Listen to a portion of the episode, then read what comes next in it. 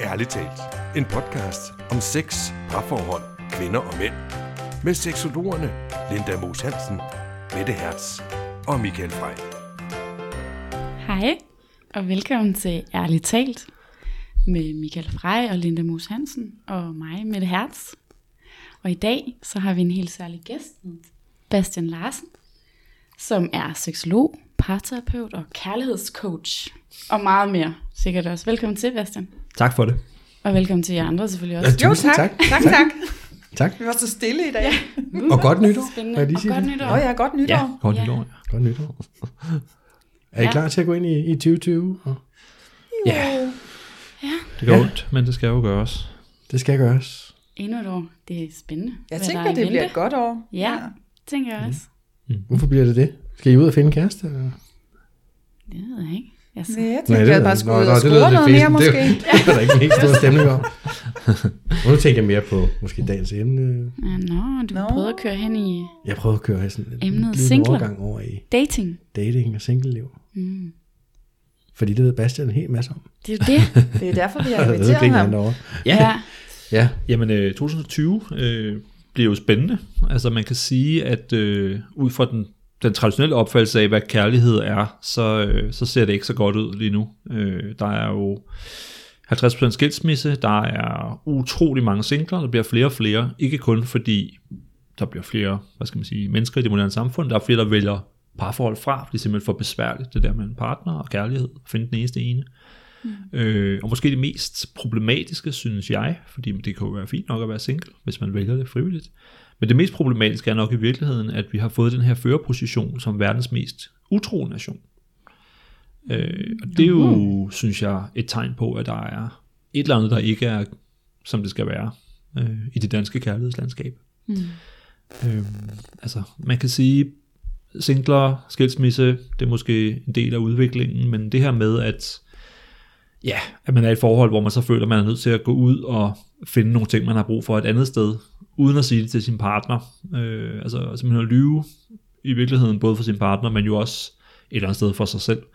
Det, øh, det synes jeg er et, øh, et usundt tegn. Ja. Men, øh, men det er selvfølgelig også svært, kan man sige, fordi vi har jo flere muligheder, end, øh, end vi nogensinde har haft før. Øh, både for at finde en kæreste online, øh, er vi jo ufattelig mange mennesker, øh, og vi må jo alt i dag, altså bo alene, vi behøver ikke få børn, vi kan have en kæreste af vores eget køn, vi kan have to af det modsatte køn, vi kan sådan set gøre lige hvad vi vil, og det giver jo et kæmpe ansvar, og det, øh, det tror jeg er rigtig svært for mange, så jeg tror mange vælger bare den, den traditionelle udgave, uden at tænke over det, og det er jo ikke fordi, der er noget galt med kernefamilien overhovedet, men, men jeg tror det er et problem, når man ikke ligesom går ind i en relation øh, lidt mere bevidst i hvert fald, så tror jeg, at man ender i et, øh, med at male sig selv op i et hjørne, og så er det man nødt til at ja, luske ud og finde noget spændende et andet sted. Mm. Desværre. Er det fordi, man glemmer at kommunikere om, hvad det egentlig er, man gerne vil have, når man går ind i det her parforhold? Eller? Jeg tror, man glemmer at stille sig selv det her grundlæggende spørgsmål, som jeg starter, arbejder rigtig meget med, nemlig, øh, altså, hvad er det for et kærlighedsliv, jeg har brug for? Ja. Eller måske, hvad er det for et sexliv, jeg har brug for? Også det. Jeg tror, at de fleste de stiller aldrig sig selv det spørgsmål, fordi vi, vi får jo at vide hele tiden i bøger, film og reklamer, øh, hvordan et rigtigt parforhold ser ud, og et rigtigt kærlighedsliv. Så det prøver vi ligesom at imitere, hvis ikke vi er lidt kritiske. Så mange gange, så skal man have været igennem det her traditionelle forhold, og skilsmisse, og knas og smerte, før man ligesom begynder at tænke over, okay, den her vaskepulverreklame, jeg lige levede i, med villaer i forstederne og flekslån, øh, det, det var så åbenbart ikke det, der gjorde mig lykkelig, selvom jeg har fået det at vide. Så hvad er det, jeg vil have? Hvad er det, jeg har brug for? Ja. Og så er det, man skal begynde at gå på opdagelse og tænke over det. Altså jeg tror, øh, et stort problem, og jeg vil sige det nu, så jeg ikke glemmer det, det er, at rigtig mange tænker på parforhold som øh, enten sådan parallel løb, man ligesom løber to ved siden af hinanden, øh, eller også sådan en, øh, altså en, en tryg base, der ligesom er herover, den ser sådan her ud, og det skal være der, alting er, som det hele tiden er tryg base, og vi har også brug for tryghed, det er slet ikke det. Men man glemmer lidt, synes jeg, at et parforhold kan jo også være en fantastisk udviklende proces, hvis man gør det lidt bevidst. Så man kan jo lære ufattelig meget af, altså af at være i et parforhold. Det er bare ikke sådan, vi tænker på det, vel? Vi tænker på det, som det skal se ud på en meget romantisk måde, sådan her, så bliver man lykkelig. Øh, og det skal være trygt, og det skal være stabilt. Mm. Firkantet. Og derfor folk holder op med at have sex, når de begynder at komme altså i et fast parforhold, desværre. øh, viser statistikken. Man holder simpelthen op med at være intime over for hinanden. Så ja, man glemmer at snakke sammen, men i virkeligheden tror jeg, at man, øh, man glider udenom alle de her områder, hvor man pludselig opdager, at man er forskellig, fordi det, det er jo farligt. Vi vil jo ikke have konflikter. Så derfor kommer der folk ind til mig i min klinik og siger, at vi er vokset fra hinanden 10 år senere. Men det, der måske egentlig er sket, det er faktisk, at de aldrig nogensinde har lært hinanden at kende. Og det er et problem. Ja. Og hvad gør man så, hvis man opdager det? Jamen, så skal man jo så til at arbejde med øh, at acceptere det. Fordi man har jo mange gange, vi kender det jo alle sammen, vi har været i et forhold, hvor vi prøver at vise vores bedste side i starten, når man er forelsket og bla bla bla. Så på en eller anden tidspunkt, så, altså, så knækker filmen, fordi nu kan jeg ikke lade som om, jeg synes, det er helt vildt hyggeligt at gøre det her, min kæreste synes er hyggeligt. Og i stedet for at måske bare sige det på en konstruktiv måde, så ender det i skænderier, og øh, du har løjet for mig, og du er ikke den, jeg troede, du var. Nej. Men altså man kan sige, parforhold bliver jo heller ikke defineret af, at man ikke har konflikter, men det bliver defineret af, hvordan man håndterer de konflikter, man har. Så det er noget med at starte med at være ærlig, og det lyder så banalt og plat, men de fleste har jo heller ikke rigtig fundet ud af, altså hvad der er vigtigt for dem selv, så det er jo rigtig svært at melde det ud til deres partner. Og så er det, man ender i de her kedelige situationer, og evigheds øh, single, fordi man bliver med at lede efter den rigtige partner. For det man gør, når man finder ud af, at det ikke går så godt i sit parforhold, det er jo så, at man starter med at tænke, om der er noget galt med mig jo. Det her ligner jo sådan, som det skal se ud, men jeg er ikke lykkelig, så er der jo, jeg er jo syg, der er noget galt med mig. Mm. Det, det er rigtig ubehageligt at gå med. Så det er meget nemmere at tænke, ej, der er noget galt med min partner. Ja, ja, Det er selvfølgelig. hende derovre. Hun er jo sindssyg. øh, og så finder man en anden, og så sidder man i nøjagtig samme situation, fordi man ikke tænkte over, hvorfor det egentlig var, man ikke var glad i sit sidste forhold. Hvad var det egentlig, jeg havde brug for? Mm. Det slipper man jo med. Det er lidt ligesom utroskab. Det bliver jo brugt meget i dag som en slags øh, hvad skal man sige, undskyldning, eller måde at komme ud af et forhold på. Der er ikke nogen, der kommer og spørger sådan noget, hvorfor er I ikke sammen længere? Ah, men han var utro. Nå, men hvorfor var han det? Det siger man jo ikke. Fordi Nej. utroskab er så stort et tabu i vores kultur, at at så, så, okay, så giver man fra hinanden. Men det er jo et symptom på, at der er et eller andet galt. Det er jo ikke en årsag i sig selv, kan man sige. Hvis man ikke tænker over, hvorfor der var utroskab, så kan man være rimelig sikker på at komme til at sidde i situationen igen. Både som den, Mm. der var utro, men også den, der oplevede utroskab. Det fortæller statistikken desværre. Ja.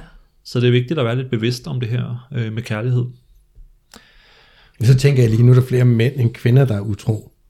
Er det, så, er, der, er, det, er det så også både mænd og kvinder, der glemmer at være ærlige over for hinanden fra starten af, eller er det mere mænd, eller er det mere kvinder, der glemmer jeg tror, at der, sige, hvad de har lyst til? Ja, jeg tror, der er rigtig mange ting i det. Altså undersøgelser viser jo, at mænd generelt er flere utro, mere utro end kvinder, men, men der er jo mange eksperter, der mener, at det egentlig også er, fordi mænd er meget dårligere til at skjule det end kvinder.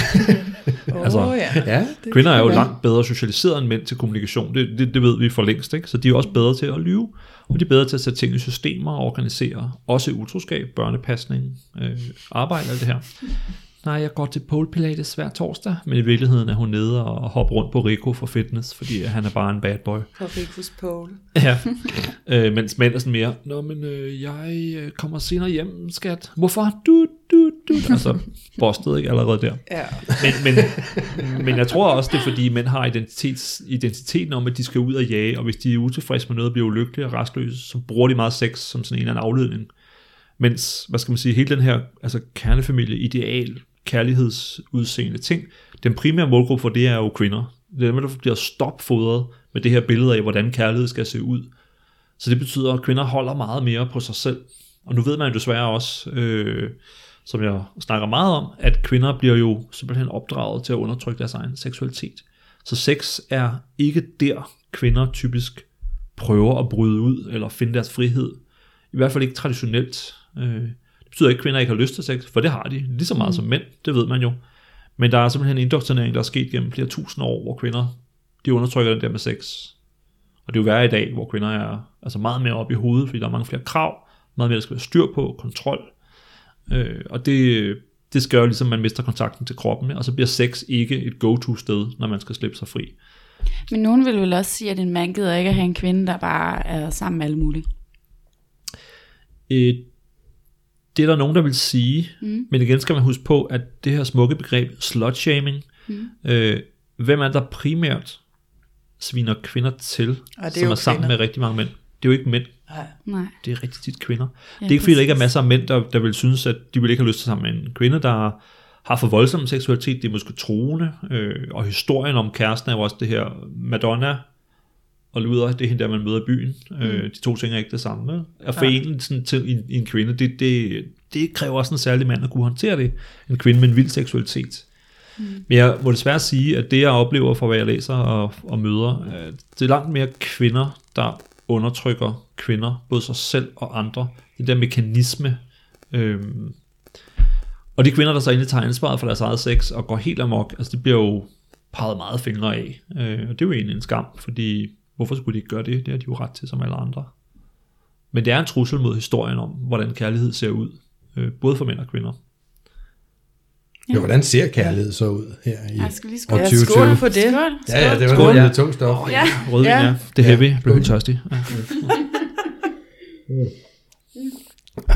Hvordan ser kærlighed ud? Ja, det, jo- men det er jo det. Det ved vi jo ikke. Altså, det, er jo, det er jo op til den enkelte. Vi bliver jo pumpet med alle mulige historier om det. Øh, og jeg mener, det, og det er som sagt svært i dag, for vi må egentlig alt. Vi må jo alt muligt. Vi må jo være biseksuelle. Der er lige lavet en kæmpe undersøgelse, der hedder Sexus, verdens største øh, sexundersøgelse, lavet ja. her i Danmark. Meget, meget spændende. På en masse områder. Men, men vi mennesker har en meget, meget vigtig grundlæggende identitetsbehov. Og det der med at gøre op med det og forandre definitionen af, hvem vi er, og for eksempel, hvad vores kærlighedsbehov er, det er meget, meget udfordrende for rigtig mange. Ja. Der var en meget interessant tal om, at øh, altså homoseksuelle for eksempel oplever jo at blive mobbet. Jeg tror, det var 7% af homoseksuelle, der oplevede at blive altså voksenmobbet og chikaneret på grund af deres seksualitet. Men biseksuelle, der var det, at det var over 50%, der har oplevet at blive mobbet, fordi de var biseksuelle. Fordi det at være biseksuel er en langt større trussel mod vores opfattelse af, hvor sex hører til, end en homoseksuel. Homoseksuel, det er en anden kasse. Ja. Måske ikke en kasse, vi selv er i, men det er en kasse, vi kan forstå, og vi kan se den derovre. Mm. Men biseksuel, det ruder jo de der begreber helt rundt, og det, det mm. provokerer rigtig mange mennesker. Øh, Det kan man slet ikke have. Nej. Og jeg vi læste den faktisk også med biseksuelle for øje, fordi jeg jo selv er biseksuel, og de, bongede faktisk mere ud på mange af de her dårlige trivselsniveauer, ja. end som homoseksuelle gjorde, så det var jeg faktisk mere. overrasket over. Ja. Altså, der, var, der var langt værre tal for dem i der, hvor det, hvor det lidt lider i sexlivet. Ja, ja. Men det er også det, fordi man skal jo ikke underkende, at øh, altså man kan også bare sige, at vi kan gøre alt i Danmark. Ja, det kan vi, men det er jo ikke sådan, vi er bygget. Vi er bygget til at søge noget, vi forstår og kan relatere os til. Ja. Vi har brug for at kunne være selv i den situation, vi er i. Ja. Og vi begynder at skrue på den på alle mulige måder, så er det, rigt, det kan være rigtig svært. Og biseksuel, øh, det er sådan en udgave, ikke? Fordi, men der er jo alle mulige andre udgaver også. Altså åbne forhold er jo også en stor ting i tiden, og hvis vi går ud på dates, og det gør folk jo i dag, øh, hvor mange er vi på online dating efterhånden? Jeg ved det ikke faktisk. De der sites er jo ikke så meget for at give deres besøg med, men vi nærmer os jo en million, og vist er over os. ja. Ja. Øh, men ingen ved det præcise tal. Folk mødes jo online, og det bliver jo sådan en supermarkedsmåde også på en eller anden måde at finde en partner. Ja. Og der er jo alle, så der er jo nok også den perfekte partner til os. Øh, Ja. men hvad er så det? Og det er rigtig svært at definere kærlighed, nu du spørger. Så det folk gør i stedet for, det er, at de definerer nogle overfladiske træk, altså højt øh, udseende, måske seksualitet eller indkomst, bil, altså sådan nogle ting. Fordi det er nemt at måle på. Ja, man skal have en kæreste, der er så også meget høj, eller hun skal være blond, eller hvad det nu er. Men det er jo ikke det, man kan bruge altså, til at basere et forhold på. Og det siger jeg ikke for at være romantisk. Udseende er bare ikke, altså, du kan ikke basere et forhold på udseende. Udseende har betydning, ja. Men det er nogle andre kvaliteter. Og hvad er det så? Det er virkelig svært at finde ud af. Jeg tror, man kan lære meget af at kigge på sine ekskærester, og så se på, jamen, hvad var det, der fungerede i det her forhold? Hvad var det, der var godt? Selvfølgelig ikke det hele, fordi så ville man stadig ikke være sammen. Men der var et eller andet. Og så prøve at lære det. I stedet for at flygte fra alt, hvad ens ekskæreste lignede, som mange jo gør. Nu skal ja. jeg prøve noget helt andet. Jamen, det er nok ikke så godt, vel? For der var en grund til, at man var sammen med den der person. Der var ja. Ja. nogle ting, der fungerede, og så var der nogle ting, der ikke fungerede. Prøv at lære af det. Det er jeg mener at være bevidst om sit kærlighedsliv. Prøv at lære af sine erfaringer. Ja. Øh, jeg var jo, øh, jeg blev dumpet i Aarhus en gang. Det vil jeg gerne dele med gruppen her. Øh, jeg var flyttet til Aarhus øh, med en kæreste, og det var sådan lidt for hendes skyld. Det var ikke kun for hendes skyld, men jeg var flyttet derover og fået et smart job på TV2, og vi boede i min lejlighed, og hun var uddannet sig som efterskolelærer. Og det var rigtig øh, fedt, at vi skulle have et lille hus uden skov, og det var meget romantisk alle sammen. Øh, indtil hun kom hjem en dag sådan, og dumpede mig, øh, og øh, skred sådan med det samme. Der gik under 10 minutter fra, jeg kom ind ad døren, tror jeg, fra mit arbejde, til hun, øh, hun gik ud af den. Det var så det. Så gik der en måned, så udløb min arbejdskontrakt med TV2, og så øh, sad jeg der, og jeg kunne ikke få min lejlighed tilbage i København, for det var lejet ud, og alle mine arbejdskontakter i øvrigt var i København. Så jeg sad der forladt og ensom i Aarhus. Lorteby. jeg vil gerne sige. Jeg vil gerne indrømme, at jeg var bitter, ikke? Så, øh, men så havde jeg hørt her online dating, det her tilbage i 2003, fire stykker. Så det var inden Facebook, der først kom der i fire. Øh, og jeg havde arbejdet sammen med de to brødre, der lavede Score.dk, det her lummer dating site, der heldigvis stadig findes. Øhm, Heldigvis og jeg for tænkte, det. ja, jeg tænkte, hold op, der, det der online dating, det er da vist vildt fedt. Noget at man bare laver sådan en pro- profil, og så kommer der bare væltende kvinder hjem til en. Helt vildt. Det var lige det, jeg trængte til der. Ikke nogen kærester, bare en masse sådan noget. Det var væltende. fuldstændig Hovedløs sex, ja. Kommer væltende. Hallo? Nummer 24. øh, men det var selvfølgelig meget mere besværligt. Så jeg prøvede at finde ud af, hvorfor, altså hvordan fik man kontakt til de her kvinder. Øh, det tog lidt overhånd, så jeg var på sådan et sted mellem 600 og 700 dates øh, de der næste 2-3 år, fordi jeg, ligesom, jeg havde brug for at finde ud af, hvordan fanden det her virkede. Øh, og det var heller ikke altid super sundt, skal jeg gerne indrømme. Men det var meget spændende. Jeg lærte jo utrolig meget øh, af det. Mm. Om kvinder, og om mig selv, og om mit kærlighedsbehov. Ja, og alle de her mekanismer mellem mænd og kvinder. Hvad lærte du så? det kunne jeg godt lide at vide. Det var et stort spørgsmål. Øh, nej, men jeg lærte jo blandt andet det her med, øh, altså som, jeg tror det starter som, eller for mig skal jeg generalisere, og mange af de drenge, jeg er vokset op med, der opdager man jo i den tidlige teenage, eller at åh, kvinder, de er bare rigtig, eller piger er rigtig spændende. De er helt vildt spændende, men de er også meget mærkelige. De snakker om sådan nogle underlige ting, og de siger det på en mærkelig måde, og hvad er det, man forstår ikke helt, hvad de mener altid. Så kommer man tilbage til sine drengevenner der, og på det her tidspunkt er man jo 11-12 år, ikke? og hænger sådan lidt ud, og det er sådan lidt, altså, men alligevel var det lidt mere spændende, så man begynder at opsøge de der piger igen, øh, fordi de har et eller andet fascinerende og anderledes. Og når man så bliver lidt ældre teenager der, så forstår man jo også godt, der er, så begynder der at være noget seksuelt i det selvfølgelig. Øhm, og det er stadig spændende, og så er det, man, man lidt prøver sig frem, hvordan kommer jeg over til den her pige, som er utrolig mærkelig, og snakker hurtigt og underligt. Og nogle gange er hun vred, og nogle gange er hun glad, og jeg kan overhovedet ikke forstå, hvorfor. Hvordan kommer jeg over til at kysse hende igen, som vi går til den der fest? Det var fedt. Og så lærer man sådan lidt, at det kan man godt gøre. Man kan sådan tale hende efter mund. Det virker jo, i hvert fald til en vis grad. Man kan gøre alle mulige ting og forandre sig og tilpasse sig, så man på en eller anden måde kommer i kontakt med den her pige, der er rigtig spændende. Øh, og det virker måske også, men hele præmissen for mødet er jo så på en eller anden måde kunstigt og mm. konstrueret. Øh, og jeg oplevede lidt det samme igen her mange, mange år senere, da jeg så var på de her netdating sites, fordi jeg skrev et langt, seriøst brev til en kvinde, og satte mig til at vente, og der kom ikke noget svar overhovedet. Så skrev jeg til to andre, som jeg også havde brugt en hel weekend på at udvælge. Der kom ikke noget svar. Jeg kunne se, at de havde læst brevet, men jeg forstod, hvorfor, skrive, hvorfor svarer de ikke? Altså, jeg er jo skrivende journalist, så jeg kan sagtens finde ud af at formulere mig. Men de svarede bare ikke. Nå. Jamen, så, øh, så må jeg jo prøve noget andet. Og så sad jeg jo endt med at sidde og skrive sådan 10 standardbreve ud af gangen sådan om dagen til alle mulige kvinder og tilpasse det lidt, for at prøve at finde ud af, hvad fanden er det, der virker? Og lige pludselig var der noget, der virkede. Så i stedet for at man kun får svar 1 ud af 10, så får man så svar fra 9 ud af 10. Og så, så havde jeg i hvert fald svært ved at sige nej til at mødes, at gå på date, gå en tur, kaffe, løbe, samle et kæreskab, hvad det nu er, man mødes om. øh, så det, det greb lidt om sig, vil jeg sige. Så jeg var på utrolig mange dates. Og eftersom jeg holdt jeg bare ikke sagde nej til særlig meget, så endte jeg også på nogle virkelig, øh, virkelig mærkelige dates nogle gange. Øh, og der skal man se sig for. Jeg holder også nogle workshops nu om, øh, om online dating, øh, og underviser lidt i, i det også. Og øh, der er mange folk, der spørger sådan, hvad skal man så gøre? Hvordan navigerer man i det? Og jeg vil sige, altså det eneste simple råd, jeg kan give, det er at prøve at mærke efter. Altså hvis det føles forkert, så er det forkert. Så skal man ja. bare bakke ja. væk. Øh, men den periode var i der, hvor jeg ligesom var forladt, så synes jeg, at hvis det føltes forkert, så ville der sikkert ske et eller andet spændende, så jeg fulgte bare med. Der skete også øh, noget spændende, altså typisk mere spændende at snakke om senere, end at være i situationen, fordi ja. pludselig står du i underbukser uden for en eller anden villa i en eller anden by uden for Aarhus, og kan ikke komme hjem. øh, fordi det hele er et eller andet setup, som han blev involveret i, man ikke lige havde fået at vide, at øh, det var planen, at manden skulle komme hjem i det, det hele, oh. og, øh, og blive jaloux. Og enten havde han fået det at vide, eller så havde han ikke fået det at vide, det var ikke altid til at vide. Ej. Så, så sådan skal man sørge for at se sig lidt for, ikke? Ja. Men kan vi så lidt konkludere, at det der dating, så man kan komme ud for en masse spændende oplevelser, man kan sætte sig selv op til at prøve en masse spændende, men hvis det er, man egentlig gerne vil have en kæreste, så skal man på en eller anden måde have sat sig ned og defineret, hvad er det egentlig, at den her kæreste skal indeholde af værdier? Hvad er det, at, at jeg gerne vil have, mit forhold skal være? Skal jeg sådan lidt... Øh... Jeg, tror, jeg tror, at alle skal sætte sig ned og skrive ned, hvad har jeg brug for i et kærlighedsforhold? Ja. Øh, jeg tror, man skal passe på med at lave det, jeg kalder en, øh, en kræveliste, som der rigtig tit er på de her datingprofiler. Mm. Så lang liste over, hvad deres partner skal være.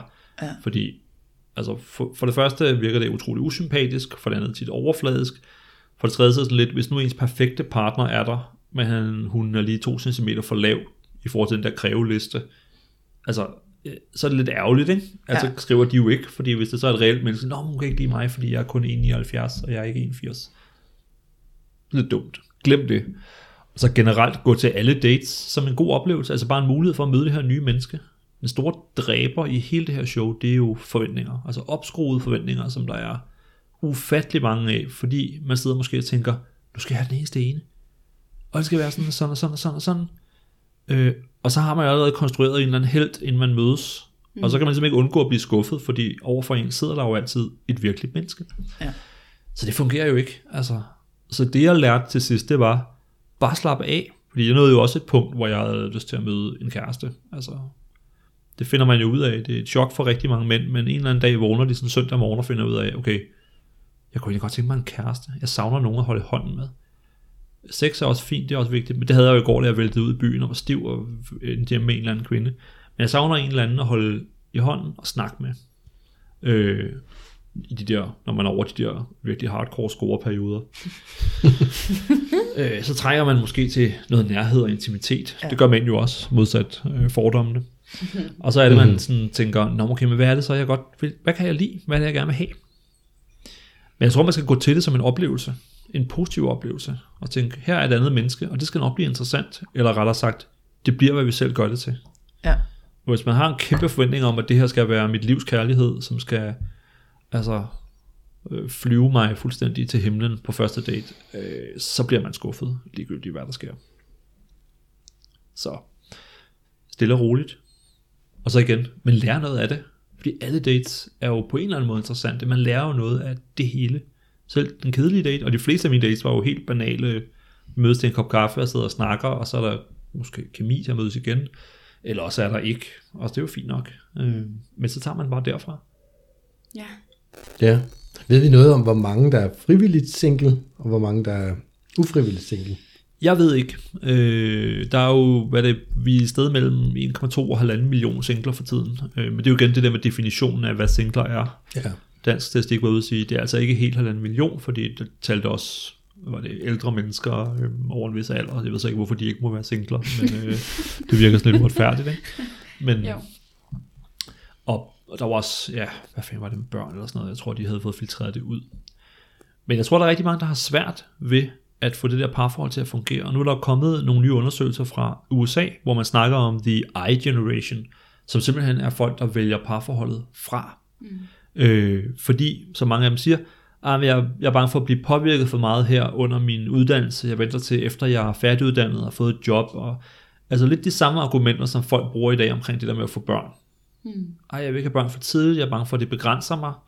Øh, Jeg venter til, at jeg er uddannet har et job, øh, bla bla bla. Ikke? Og så har vi forældre, der er 40, øh, og som ikke har super nemt ved det. Eller som mig, 48. Øh, Altså jeg ville jo ønske, at jeg havde fået børn for 20 år siden, i stedet for at jeg har en, en 6 måneder gammel nu og en 3-årig. Øh, For det er super dejligt, og der er nogle ting, jeg håndterer klart meget mere moden, end jeg ville have gjort, da jeg var 22. Men mm. det der med manglende søvn og sådan noget, det kan man godt mærke. Det havde nok været nemmere, da man var altså, i 20'erne. Mm. Men med lidt samme argument, der bliver brugt nu for at vælge et parforhold fra. Mm. Nej, det påvirker mig for mig. Jeg er bange for, at det påvirker mig. Jeg tror ikke, det er særlig nemt at have sit første parforhold, når man er 30 år, vel? Nej.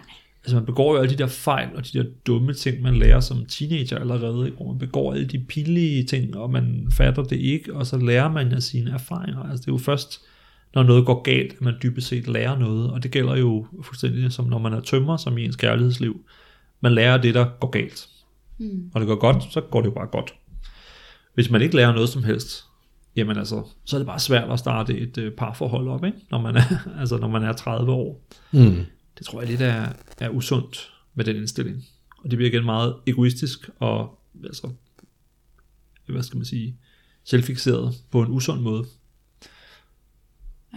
Jeg tager lidt mere rødvin. Ja, jeg gør Ja, endelig det. endelig, endelig. Men du var inde på lidt tidligere på, på, på det der med, at der var for mange valg. Og det, det kan være Ja. svært, men bliver generationer efter os så bedre til at navigere i det, fordi de ligesom voksede op med en, en masse valg. Jeg kunne ikke lade være med at tænke på, at da jeg var lille, så havde vi DR i tv'et, og det var det. Så det var ikke så svært at finde ud af, hvad man skulle se, hvis man skulle se tv. Og så kom TV2, og så, så var det til med at gøre. Men så lige pludselig dukkede Kanal København og TV, og alle mulige andre mærkelige kanaler op. Og nu har Ja. man fandme 50-100 kanaler, hvis man har en stor pakke. Ja. Og så kan det sgu godt blive svært at finde ud af, hvad man skal se. Og hvis noget er bare en lille smule kedeligt, så er man hurtigt videre. Flap. Ja. At, at hænger det lidt sammen? Det gør det helt klart. Altså det, vi er i sådan en overgangsfase nu, og så det er jo på mange måder øh, utrolig spændende tid. Fordi vi skal til at omdefinere hele det her, altså med kærlighed. Der er jo som sagt, der er åbne forhold, der er folk, kvinder, der får børn uden en partner, øh, eller folk, der får, hvad skal man sige, homoseksuelle, der får børn sammen, uden at være kærester, øh, på tværs af køn og så videre. Øh, fordi man kan gøre alt muligt i dag. Vi har muligheden for det. Men, men det er lidt det er lidt ligesom det der med tv-valget, som du siger, ikke? at nu kan man så, i stedet for at man bare er nødt til at se det, der er, så skal man træffe et bevidst valg om, hvad man så gerne vil se. Mm. Øh, og det er svært. Øh, fordi selvom hvad skal man sige, kernefamilien, som er den, vi kender, det er jo en konstruktion, social konstruktion, som kun er 200 år gammel faktisk. Men det er den, vi kender, den, vi er vokset op med. Vi har aldrig set andet. Øh, at der så er folk, der eksperimenterer med det, synes jeg er rigtig sundt, for det viser andre folk, at man kan godt prøve noget andet. Jeg tror, mange af de her singler vælger parforholdet fra, fordi det simpelthen det er svært. Det er for svært ikke at vælge forkert, eller man er bange for at vælge forkert, man er bange for at blive såret. Men det er jo det, kærlighed er, og det er jo det, livet er, kan man sige. Det er jo at blive såret. Det er det eneste, man lærer noget af, det er det eneste, man udvikler sig af. Og lykke er jo ikke sådan en permanent tilstand, medmindre man er på en eller anden form for medicin. Øh, det er jo sådan set noget, der dukker momentvis op. Så man er nødt til, som jeg, som jeg startede med at sige, det her med at finde ud af, jamen, hvad er det, jeg har brug for? Plus, det ændrer sig jo også igennem livet. Man har brug for noget andet som 25-årig, end man har som 45-årig eller 75-årig. Mm. Det hele ændrer sig jo. Øh, og det skal man også tage højde for. Det er jo ikke bare det her med at lave en kategori herover, nu er jeg sådan her. Altså der er også en grund til, at vi har så mange unge mænd på 22 i dag, som har fuldskæg ned til skridtet og tatoveringer og pumper jern, øh, fordi de prøver at finde ud af, hvem de er. Så i stedet for at tage udgangspunkt indvendigt, så laver de en kasse heroppe uden for sig selv, der hedder, sådan her ser maskulinitet ud. Det er noget med store muskler og hipsterskæg og, øh, og en masse tatoveringer. Øh, og den prøver jeg så at presse mig selv ind i den her kasse. Men det bliver man jo ikke maskulin af. Men man bliver jo ikke maskulin af at hvad skal man sige, farve sig blond og få store silikonbryster. Ikke at er noget galt med det. Øh, men det er igen sådan en ydre logo, en kasse herop, som man presser sig ind i. Men det er jo ikke løsningen. Jeg tror, hele det der maskulin feminin handler om at være ærlig over for sig selv. Det kan godt være, at det ikke er særlig maskulin traditionelt, som mand, nu er jeg far for eksempel, jeg elsker at passe mine børn. Det er jo ikke sådan maskulin på en traditionel måde. Men jeg får en masse værdi og selvværd og identitet ud af det, og også, synes jeg, egentlig en masse omsorg, som jeg egentlig synes er maskulint. Og i dag er det heller ikke særlig feminint at være sådan en bossy arbejdskvinde, men er det vigtigt? Er det det ydre, vi skal arbejde ud fra? Jeg skal bare prøve at finde ud af, hvad fungerer for mig? Har jeg lyst til som kvinde at tage den fulde barsel? Eller gå hjem og være husmor? Det må du jo næsten ikke sige i dag, vel? Mm. Kvinde, der går hjem og passer hus og børn. Du er jo mentalt handicappet, altså. Det må man jo bare ikke. Nej. Men hvis man nu er det, man har lyst til, hvorfor skulle man så ikke have lyst til det? Præcis. Så der er en masse tabuer, der er en masse fare for at gøre noget forkert, og der er rigtig svært at manøvrere de her ting. Så man prøver lidt at tage nogle symboler på sig, oplever jeg. Ja. Øhm, det er lidt ligesom, øh, hvad hedder det, der er jo en masse nye seksuelle subkulturer og minoritetsgrupper for tiden. Det er ikke, vi skal gå så meget ind i det. Men, øh, men det ser lidt det samme udtryk. Der kommer jo en ny bogstavskode hver dag, øh, nærmest øh, non-binær, øh, panseksuel, alle de her ting. Og det er også fint nok, men jeg frygter lidt, at det er lidt af det samme. Nu gør jeg op med en traditionel identitet, så definerer jeg en ny heroppe. Mm. Og der er masser, der har lavet en præcis definition af, hvordan du er transseksuel eller et eller andet andet. Og så er det, at man så skal prøve at presse sig selv ind i den kasse. Det tror jeg egentlig er usundt. Jeg kan godt forstå behovet, men jeg tror, det er bare vigtigere, at man finder ud af, hvad er det, jeg har behov for, mm. end at give sig selv et label.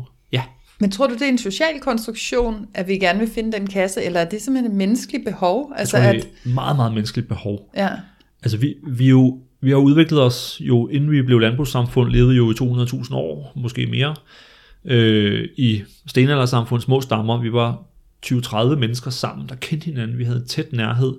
Altså, og det er der, vi kommer fra. Hele vores social forståelse Vi rørte hinanden. Vi havde sex jo meget mere på kryds og tværs, end man jo havde troet, øh, eller gerne har ville tro. Øh, vi genkender hinanden, fordi vi er sammen hele tiden. Vi samler, arbejder, går på jagt, sover, lever hele tiden. Så det er rigtig vigtigt, at hvem vi er, det bliver bare sådan en helt grundlæggende ting. Vi er, og i efterhånden som der bliver flere og flere valgmuligheder, så bliver det sværere og sværere, fordi hvem er vi så? Ja. Det bliver større og større behov for at identificere sig selv. Det er også meget sjovt at være i USA. USA er jo sådan en kultur, der består af rigtig mange kulturer, der er flyttet sammen. Så de har et kæmpe behov for at definere sig. Der er også en stor dansk subkultur i øh, nordlige Midwest-stater, øh, hvor der er mange, der har behov for at definere, at deres forfædre var fra Danmark, eller Sverige, eller et eller andet. Mm. Øh, eller italienere, eller irer. Alt det her, det er utrolig vigtigt. De kommer et andet sted fra. Øh, og der er noget grundlæggende, hvad skal man sige, meget, meget vigtigt ved vores psykologiske profil, at vi har en fornemmelse af, hvem vi er. Og i et land, hvor alle kommer et andet sted fra, som USA, der er det svært. Det var meget sjovt, under den kolde krig, når man fangede en amerikansk agent, havde de meget svært ved at lyve for løgndetektorer. Det er en meget mere autoritetstro, firkantet tænkende kultur, mens europæere eller russere, de havde meget nemmere ved at lyve for løgndetektorer. Det er ikke, fordi det skal være et bevis på noget som helst seksuelt, men det er bare sådan meget interessant, den her med, hvem vi er, er bare rigtig vigtigt. Mm. Og når vi udfordrer det, så kan det være rigtig svært. Øh, og seksuelt, kærlighedsmæssigt, som er det, vi snakker om i dag, jamen der er det jo skide svært. Det er stadigvæk sådan lidt, lidt, lidt kompliceret at være single, ikke? når man kommer til familiefesten i Jylland. Så skal du ikke finde dig en her, så snart have nogle børn. ja. øh, nej. Eller man kan få den der sådan, no. Du skal nok finde en. Præcis. Mm. Ja. Det er det værste at være single til sådan en fest med en masse par, øh, som jeg også har prøvet, det har jeg alle prøvet i perioder, ikke? Ja. hvor jeg altid sådan og kigger på en der, Nå, jeg ja. har en veninde, hun har godt nok kun et ben, men øh, hun er rigtig sød. ja. øh, nej tak. Eller, jo jo, så skal det da. men det er fordi, vi har malet via medierne, via vores film, via vores sådan, øh, popkultur, at, at det er kernefamilien, vi skal have, det er det, man skal gå efter. Ja, Øh, ja, ja, altså i dag, der, der er stadig mange mænd, der får skæld ud for, at de undertrykker kvinder med det ene og det andet, og det er jo ikke fordi, vi har jo ikke ultimativ ligestilling i Danmark, selvom vi når derhen af. Men alle de her ting, som mænd får skudt i skoene med, at kvinder skal øh, hvad hedder det, sulte sig selv, og alle de her skønhedsbilleder, øh, det er bare rigtig vigtigt at huske på, det er jo ikke mænd, der har opfundet dem. Nej. Det er tværtimod faktisk kvinder øh, Coco Chanel, hvis vi skal være helt præcis med det der med, med at slange sig selv. Men, men, men det er bare vigtigt at vide, at de her værdier, de er jo der blevet skabt af reklamebranchen, eller markedskræfter, som ikke er interesseret i køn. Det er bare et virkemiddel til at sælge øh, lort til os, vi ikke har brug for. Ja. Øh, det handler ikke om en debat eller en kamp mellem mænd og kvinder, selvom der er mange, der gerne vil talsætte det sådan. Det er jo slet ikke der, vi er. Øh, det her er simpelthen markedskræfter, der dikterer, hvad der er rigtigt i forhold til at se ud, mm. i forhold til, hvordan man lever sit liv. Ja. Øh, og det er derfor, jeg synes meget, at debatten går lidt galt i, at, at så skal vi sidde og skændes. Øh, og i dag sidder vi jo ikke, der er heller ikke samme dialog med mænd og kvinder, som jeg oplever, der var for 25 år siden. Mænd sidder herover og har øksekastningsworkshop og synes, det er svært, og kvinder sidder herover og har en anden workshop og synes, det er svært. Der er ikke så meget dialog mellem kønnene, som der har været, synes jeg. Ja. Øh, og det, det er egentlig en skam, fordi det, altså, det er jo der, vi udvikler os, det er der, vi finder hinanden. Altså, hvad mener du? Dialog mellem kønnene? Altså, mellem kønnene er sådan noget, det er okay at være mand, og det er svært. Øh, jeg er ked af, at du synes, eller du skal sulte, føler, at du skal sulte dig.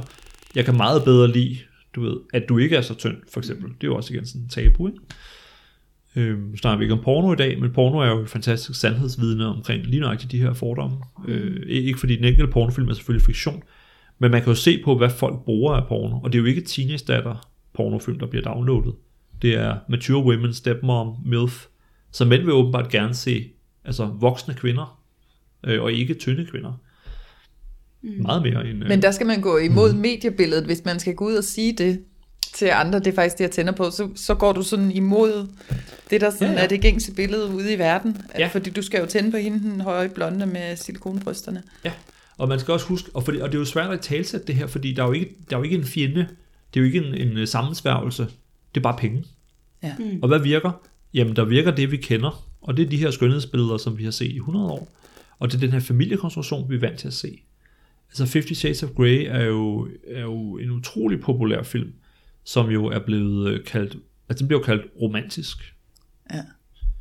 Øh, og det kan jeg også godt, jeg kan også godt forstå, at folk mener, men det er lidt interessant, hvis man fjerner smæk og slagene der, som jo den er blevet mest kendt for. Altså, men så hvad er der så tilbage? Jamen, så er der jo, altså så er der en rig mand med en masse penge og magt og status, og så er der en pige, og hun kan sige, øh, og så laver de en kontrakt, og så øh, får han sex, og hun får penge, og et job, og en bil. Altså det, det er jo ægteskabet som prostitutionskontrakt, kan man sige. Ikke? Ja. Øh, men hvorfor er den så populær? Hvorfor virker den? Det gør den jo, fordi den taler ind i en historie, som vi genkender. Det er jo sådan, det har været i hundredvis, tusinder af år. Ja. Øh, så, altså, så derfor er den rigtig romantisk. Ja. Det var en rigtig mand. Og han slår oven i købet. Det er fandme romantisk. Kæft, han er maskulin, ham der. Ja, han er maskulin. Sindssyg mand. Og Det taler den der helikopter også. Og jeg tror, der er blevet solgt mange håndjern og små fjerpiske, da de, Øh, de, de åh, bøger, der ja. kom frem. Er du Ja, for sindssyg? Ja. Altså, Ej, men det er det, er sjovt. jo også lidt... Nej, jeg vil altså gerne lige sige noget. Ja, selvfølgelig. For, for eksempel, når hun er ved at blive... Øh, nu har jeg ikke set det altså, men når hun er ved at blive overfaldet eller sådan noget, så lige pludselig så er han, da han kommer og redder hende og sådan noget, så der er altså også noget i det. Ja, ja, selvfølgelig. ridderen Det på en jeg hvid hest. sige. Ja, Ja, ja en Bare sort hest, for- tror jeg lige i det her tilfælde. grå. Eller. Det var en Ja. så nitter. måske. Der, der, der er der også en eller anden, der prøver at slå hende ihjel. Det, der, altså, det er jo et, Ja, ja, et ja. amerikansk drama af den anden kaliber. Det er jo sådan en blockbuster-film, og så bare med lidt smæk i. Ja, Ja. det var derfor hele Så- Jeg så den for at se de frække scener, og jeg synes, Ja. det var en absurd kedelig film. Ja, det, det er det, ikke? Fordi altså, hele SM-miljøet hader den jo, fordi det er sådan lidt festenlummer. Øh, ja, og der er en masse regler, der bliver brudt om, hvordan de gør det der og sådan noget. Men, men øh, lad nu det hvile. Øh, ja. Der er jo også den der måde, der gør den tilgængelig for os alle, det er, at han, han siger på et tidspunkt sådan noget, ja, sådan noget, jeg kan godt lide at gøre kvinder og ligner min mor. I'm fucked up, I know. Kan redde ham? Fordi, ja, hun kan redde ham. Men det gode for os som ser det er jo, at Nå, men så kan vi tage ham over i sygekassen herover, og så kan vi bedre lade os underholde af filmen, uden at reflektere over, hvad den får os til at føle. Ja. Fordi han er jo bare sådan en freak derovre. Det er jo et super smart fortællegreb fra hende forfatterinden. Ja, ja. Øhm, fungerer fantastisk. Øhm, men, men altså, du ved, så lærer hun lærer af ham at have sex, og hun lærer ham at elske. Det lyder da sødt. Og lussing! Ja, Og slam.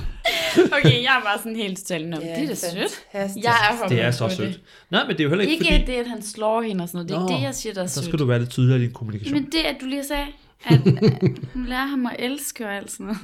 Nej, men, men det er også derfor, den virker. Den appellerer jo utrolig bredt. Den virker. Ja, ja. Den har virket på mig. Nej, men altså, jeg synes, filmen var, altså, filmen var overraskende meget bedre lavet end bøgerne, som jeg ikke kunne læse, fordi de simpelthen, at det var ikke på grund af temaet, at de var bare virkelig dårligt skrevet, altså, det, var, det gjorde ondt på mig. Og det er ellers meget skidt, jeg har læst litteratur. Men øh, lad nu det hvile. Men meget Ja. underholdende film, slet ikke det.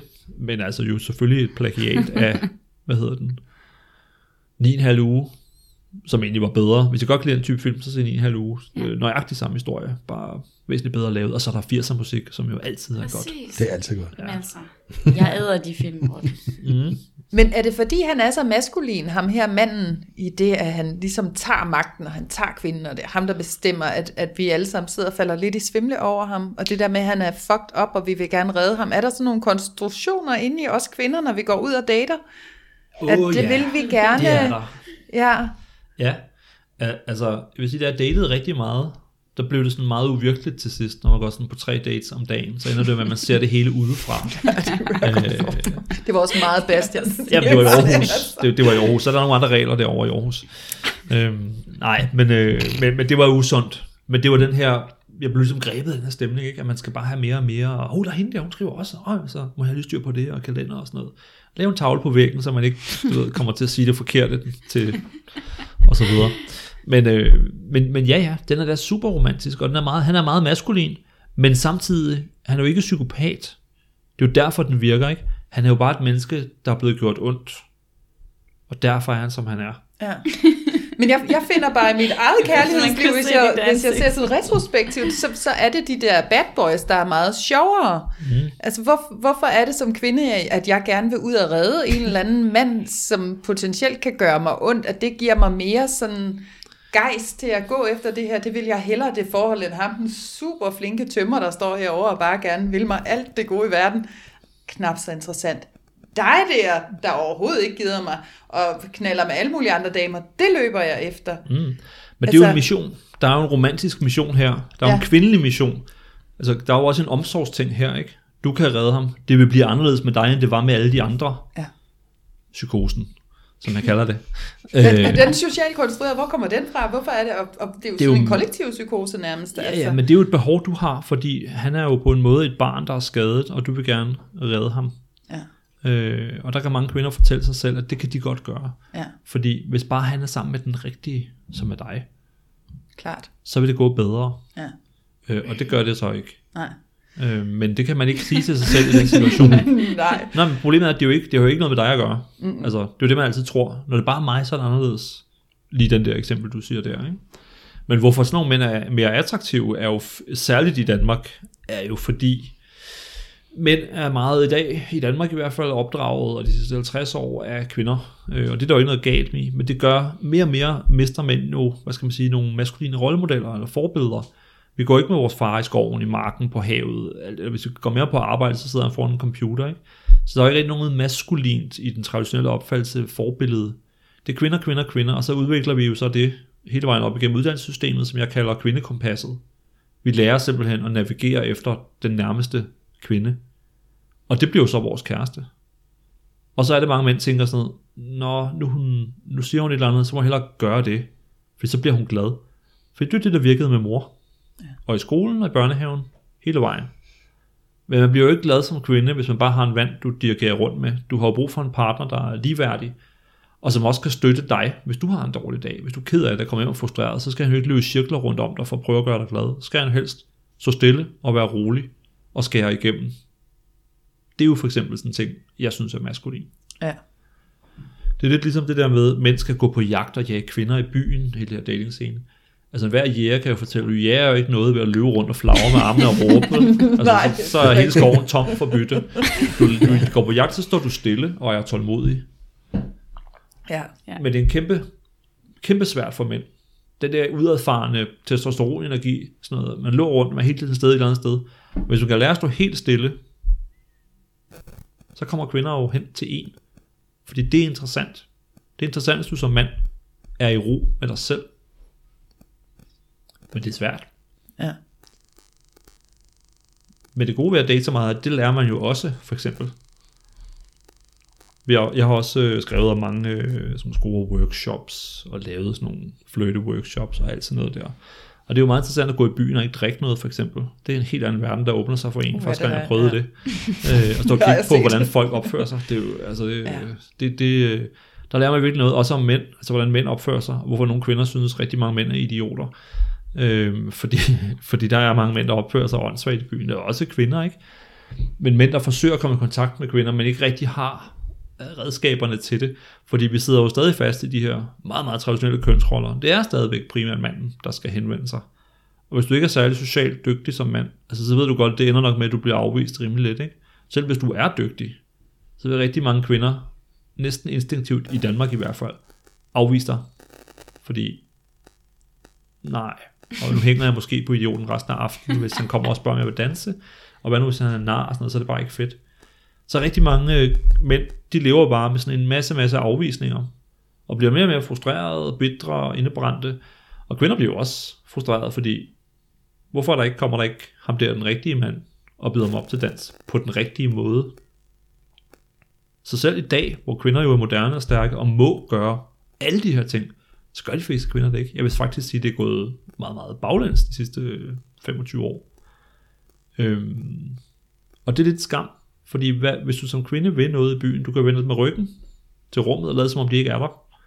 Eller du kan vende dig mod rummet og tage ansvar for at være til stede i rummet. Mm. Og fordi kvinder vil jo også gerne have det sjovt og danse og grine og snakke med folk osv. Og, så videre, og nogen har super nemt ved det, og rigtig mange, de holder tilbage og venter. Hvis du venter, så kan du jo ikke selv vælge, hvem det er, du kommer til at danse med. Så i stedet for smiler til ham deroppe, så ved han, når du vil gerne snakkes med eller danse, eller gå op til ham og spørge, om han vil danse. Det er sådan en meget banal ting. Men jeg synes, vi glider mere og mere tilbage i den der. Plus at forventningerne til, hvordan det skal gøres, bliver jo højere og højere. Ikke? Hvordan skal man henvende sig? Romantisk, den romantiske historie om, så møder jeg bare sådan en fyr i byen, og han er bare så bad boy. Og han siger bare til mig på sådan en rigtig bad boy måde, om vi skal danse. Det er så bad boy dejligt og romantisk. øh, men det sker nok ikke, vel? Men så kan man jo selv gøre noget for at få det til at ske. Ja. Men Og det man- har vi lige haft snakket om for ikke så lang tid siden, nemlig Okay. om, Ja, Om en kvinde bliver mindre gerne. attraktiv af, at det er hende, der scorer en fyr. Hvis hun ligesom er Præcis. proaktiv på, at den her mand vil hun gerne være sammen med, hvad er prognosen så for, at det bliver til et forhold? For der, der var vi ude i nogle teorier med, at det ligesom er manden, der skal udvælge sig sin dame. Og hvis en hun bare sådan- teori. Ja, men det var, ja, men det var ligesom det, hvor du blev lidt rød Men det er jo den traditionelle myte, at, at det er manden, der skal vælge sig. Ja. Og, det, og det grimme er jo, at der er jo sådan en masse amerikanske hvad skal man sige, dating influencers, som skriver sådan noget til kvinder. Din mand venter på dig derude, han leder efter dig. Mm. Altså for myten er jo, at hvis man bare sætter sit hår rigtigt og bruger så så mange penge på tøj og makeup, jamen så bliver man fundet af den rigtige mand, som forstår en bedre, end man forstår sig selv. Ja. Det er jo den øh, pladeromantiske øh, psykose, som stadigvæk bliver solgt til kvinder i dag. Og det er jo det, der holder os fast i det her traditionelle kønsrollemønster, hvor kvinder sidder og venter på bagsædet, hvor der skal komme en eller anden og køre dem derhen, hvor de gerne vil, uden at de har sagt, hvor de gerne vil hen. Det sker ikke, vel? Det sker bare virkelig sjældent. I stedet for kan man sige, hvad har jeg brug for? Tag ansvar for det. Det betyder ikke, at man ikke sagtens kan være i sit feminine hjørne. Præcis. Fordi et smil. Ham der, er så sød.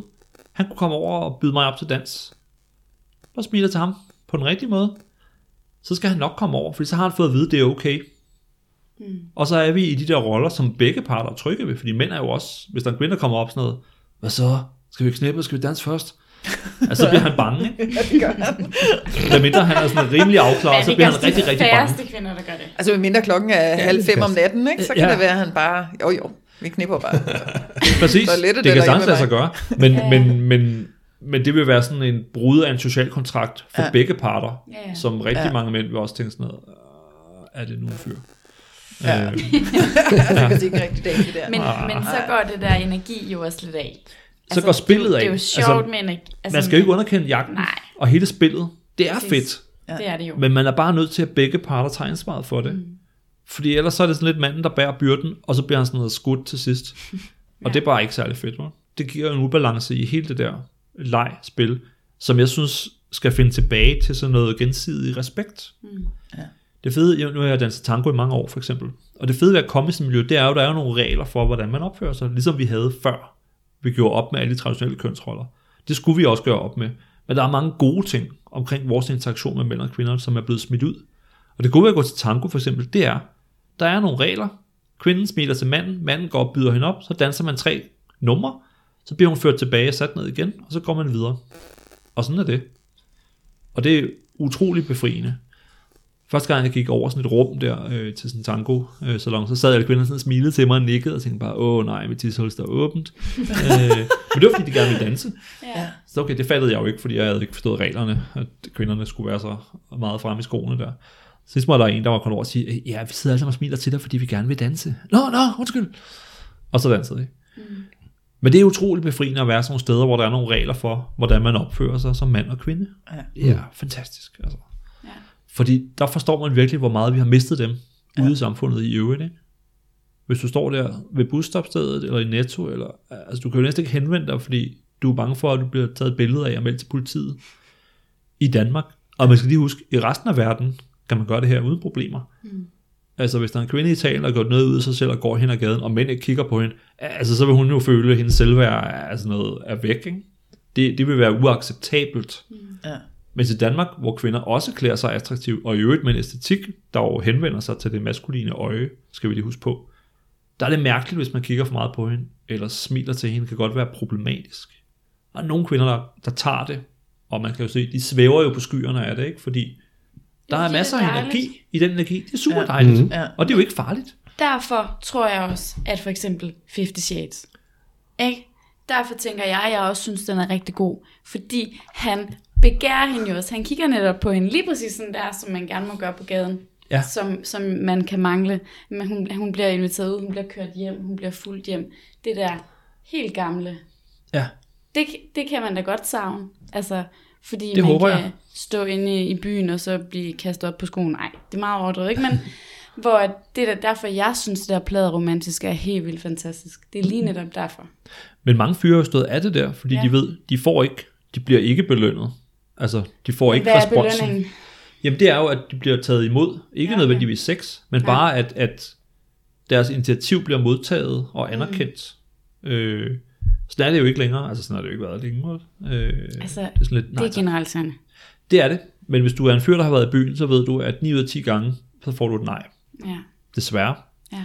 Øh, og, og det, men det er jo igen blevet det her med, at nej, fordi så siger man måske også ja til sex. Mm. Men hvorfor gør man det? Hvorfor gør man det i Danmark? Hvorfor gør man ikke det andre steder? Altså hvorfor er det et problem her? Det er jo en kulturel konstruktion, at det er blevet et problem. Det er farligt. Når jeg står over for sådan en sal, det har jeg sikkert også godt med jer, det der med at smile på gaden. Øh, mm.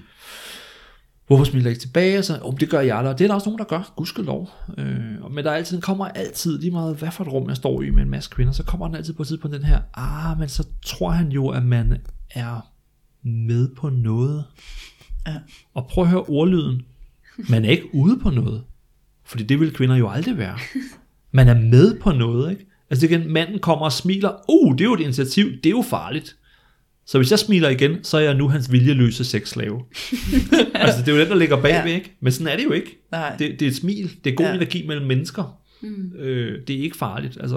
Der kan godt komme den der ubehagelige afvisning efterfølgende, hvis nu er at jeg er et eller andet sted, når jeg danser, der er en eller anden, jeg danser med, jeg sender ham nogle lækre øjne, mm, mm. Men egentlig har jeg ikke lyst til videre, end at det bare skal være det, og så pludselig står han og vil have mit telefonnummer, og så skal jeg være sådan, åh, jeg er da ked af, at jeg sådan stod og ringede med røven og sådan noget, men det er faktisk slet ikke, det var egentlig bare det, jeg havde lyst til. op, men du er ikke til noget, er det du siger? Ja, Okay. Ja, det er. Men så må du bare eje, så må du bare eje de konflikter, der kommer med jo. Altså, ja. For det, det kan da også være i det der spil, så står jeg feminin, og, mm, og, og, og, og, og på den måde føler jeg, at jeg kan stå i mit feminine, men det, det kan jo godt trigge den der mand til at tænke, uh, det der, hun er der til alt muligt hende der. Ja. Men så kan man jo sige, øh, nej. Ja. altså det kommer også an på, hvad, hvad du har gjort, ikke? Fordi du, hvis du flytter med, en- med en fyr, ho, så vil han nok tænke sådan noget, hun er nok interesseret i mig, hende der. Ja, der skal man nok være mere klar. Men ja, det er Hvis du fordi, går sådan- ja, Og så giver han. uh, Ja. Hvis du giver ham en fuckfinger imens, så, så forstår han ja. måske, at du ikke er interesseret. ja. Men, altså, men igen, det er jo, hvorfor interagerer vi ikke bare? Det kan også være, at tror, du er interesseret. Du bare Uh. Ja, sådan noget. det kan man aldrig ja tak, du må gerne tjekke din prostata. ja. Ja. Men hvad så, er, er tiden så inde til at få defineret et nyt sæt regler mellem mænd og kvinder i Danmark? Altså, kan man overhovedet sige det? Jeg tror, det er, jeg tror igen, det er, vi er i en fase nu, hvor det er meget svært. Ja. Øh, det er meget svært at finde ud af, hvad vi skal, og, og vi kan ikke tage ansvar for andre mennesker. Altså, vi er simpelthen nødt til at tage ansvar for os selv, mm. og, og helt banalt, prøve at være et ordentligt menneske, prøve at møde andre mennesker med en høflig attitude. Noget, som de sociale medier og online dating også gør svært, fordi der er tit en grim tone, fordi folk ikke rigtig oplever, at de, at de er virkelige mennesker. Ja. Og det forstærker desværre lidt den stemning, der i øvrigt er udenfor. Og i Danmark er vi sådan lidt en reserveret kultur. Vi er meget indadvendt. Men jeg tror, at det der med ikke at snakke så meget om alle mulige andre, hvad de gjorde, men tage ansvar for sig selv, og prøve at være et ordentligt menneske i sit kærlighedsliv og sit datingliv. Og finde ud af, hvad man har brug for. Altså tage ansvar for, hvad jeg har brug for. Mm. Og sige det højt. Ikke være bange for... Ikke være bange for sit højt. udtrykke Og det. særligt Ja. ikke som kvinder. Fordi myten er jo også, at der kommer den her mand, som forstår en meget bedre, end man forstår sig selv. Og han åbner en op, og det hele er bare smukt og rigtigt. Det sker ikke. Nej. Det er kun en selv, der kan åbne en op og forstå, hvad man har brug for. Øh, så det er det, der er pointen, synes jeg. Hvad er det for et kærlighedsliv, jeg har brug for? Simpelthen. Mm. Ja. Ej, hvor det har været spændende. ja, det har det virkelig. Ja. Men jeg håber, der er nogen, der kan bruge de her tanker Ej, det tror jeg virkelig. til noget i, i 2020, Ja. hvis man skal ud og finde sig ja. lidt kærlighed. Det håber jeg også. Jamen, hvis man skulle møde kærlighed. Ud og opleve kærlighed. Opleve kærlighed. Vær klar på, hvad du vil have, og, eller ikke, ja. Ja. hvad du vil have på den måde, men altså, hvad, hvad, hvad er kærlighed for dig, og hvordan, hvad er det egentlig, du vil have? Og lad være med at gå ud og udsende alt det forkerte. Det tror jeg. Ja. Så hvem vil have mit telefonnummer? Vi ses på fredag. Vi kan, vi kan, vi kan smide det på, øh, på hvad hedder det, på Facebook-siden. Ja. Så. Nej, tak, det er okay. Hvis jeg vrikker med røven, så er det ikke, fordi jeg vil noget, Bastian. Det er bare sådan, jeg er. Hvorfor har du så stået og vrikket på røven under hele podcasten? Jamen lige nu vil jeg godt have, at vi kigger på hinanden. Okay, fair nok. Uden at sige for meget. Uden at sige for meget. Ja. Ja. Men skal vi ikke sige tak for det? Jo, jo, jo lad os gøre det. Tak fordi du kom, Bastian. Ja, ja mange tak. Tak det var for, at være. det var så spændende. Det var ja, det var det virkelig. Ja. ja, tak til jer andre også. Ja, fordi I kom. og tak til dig. Og dig. tak. Og dig. Og alle og tak, andre. Tak, tak. Ja. hele vejen rundt. Nå, ja. blev du ikke forvirret, Bastian. Det skal du. Og ham derovre i hjørnet, tak. vi lyttes på næste tirsdag. Ja. Det gør vi. Ja. Er det jo. godt? Hej. Hej. Hej.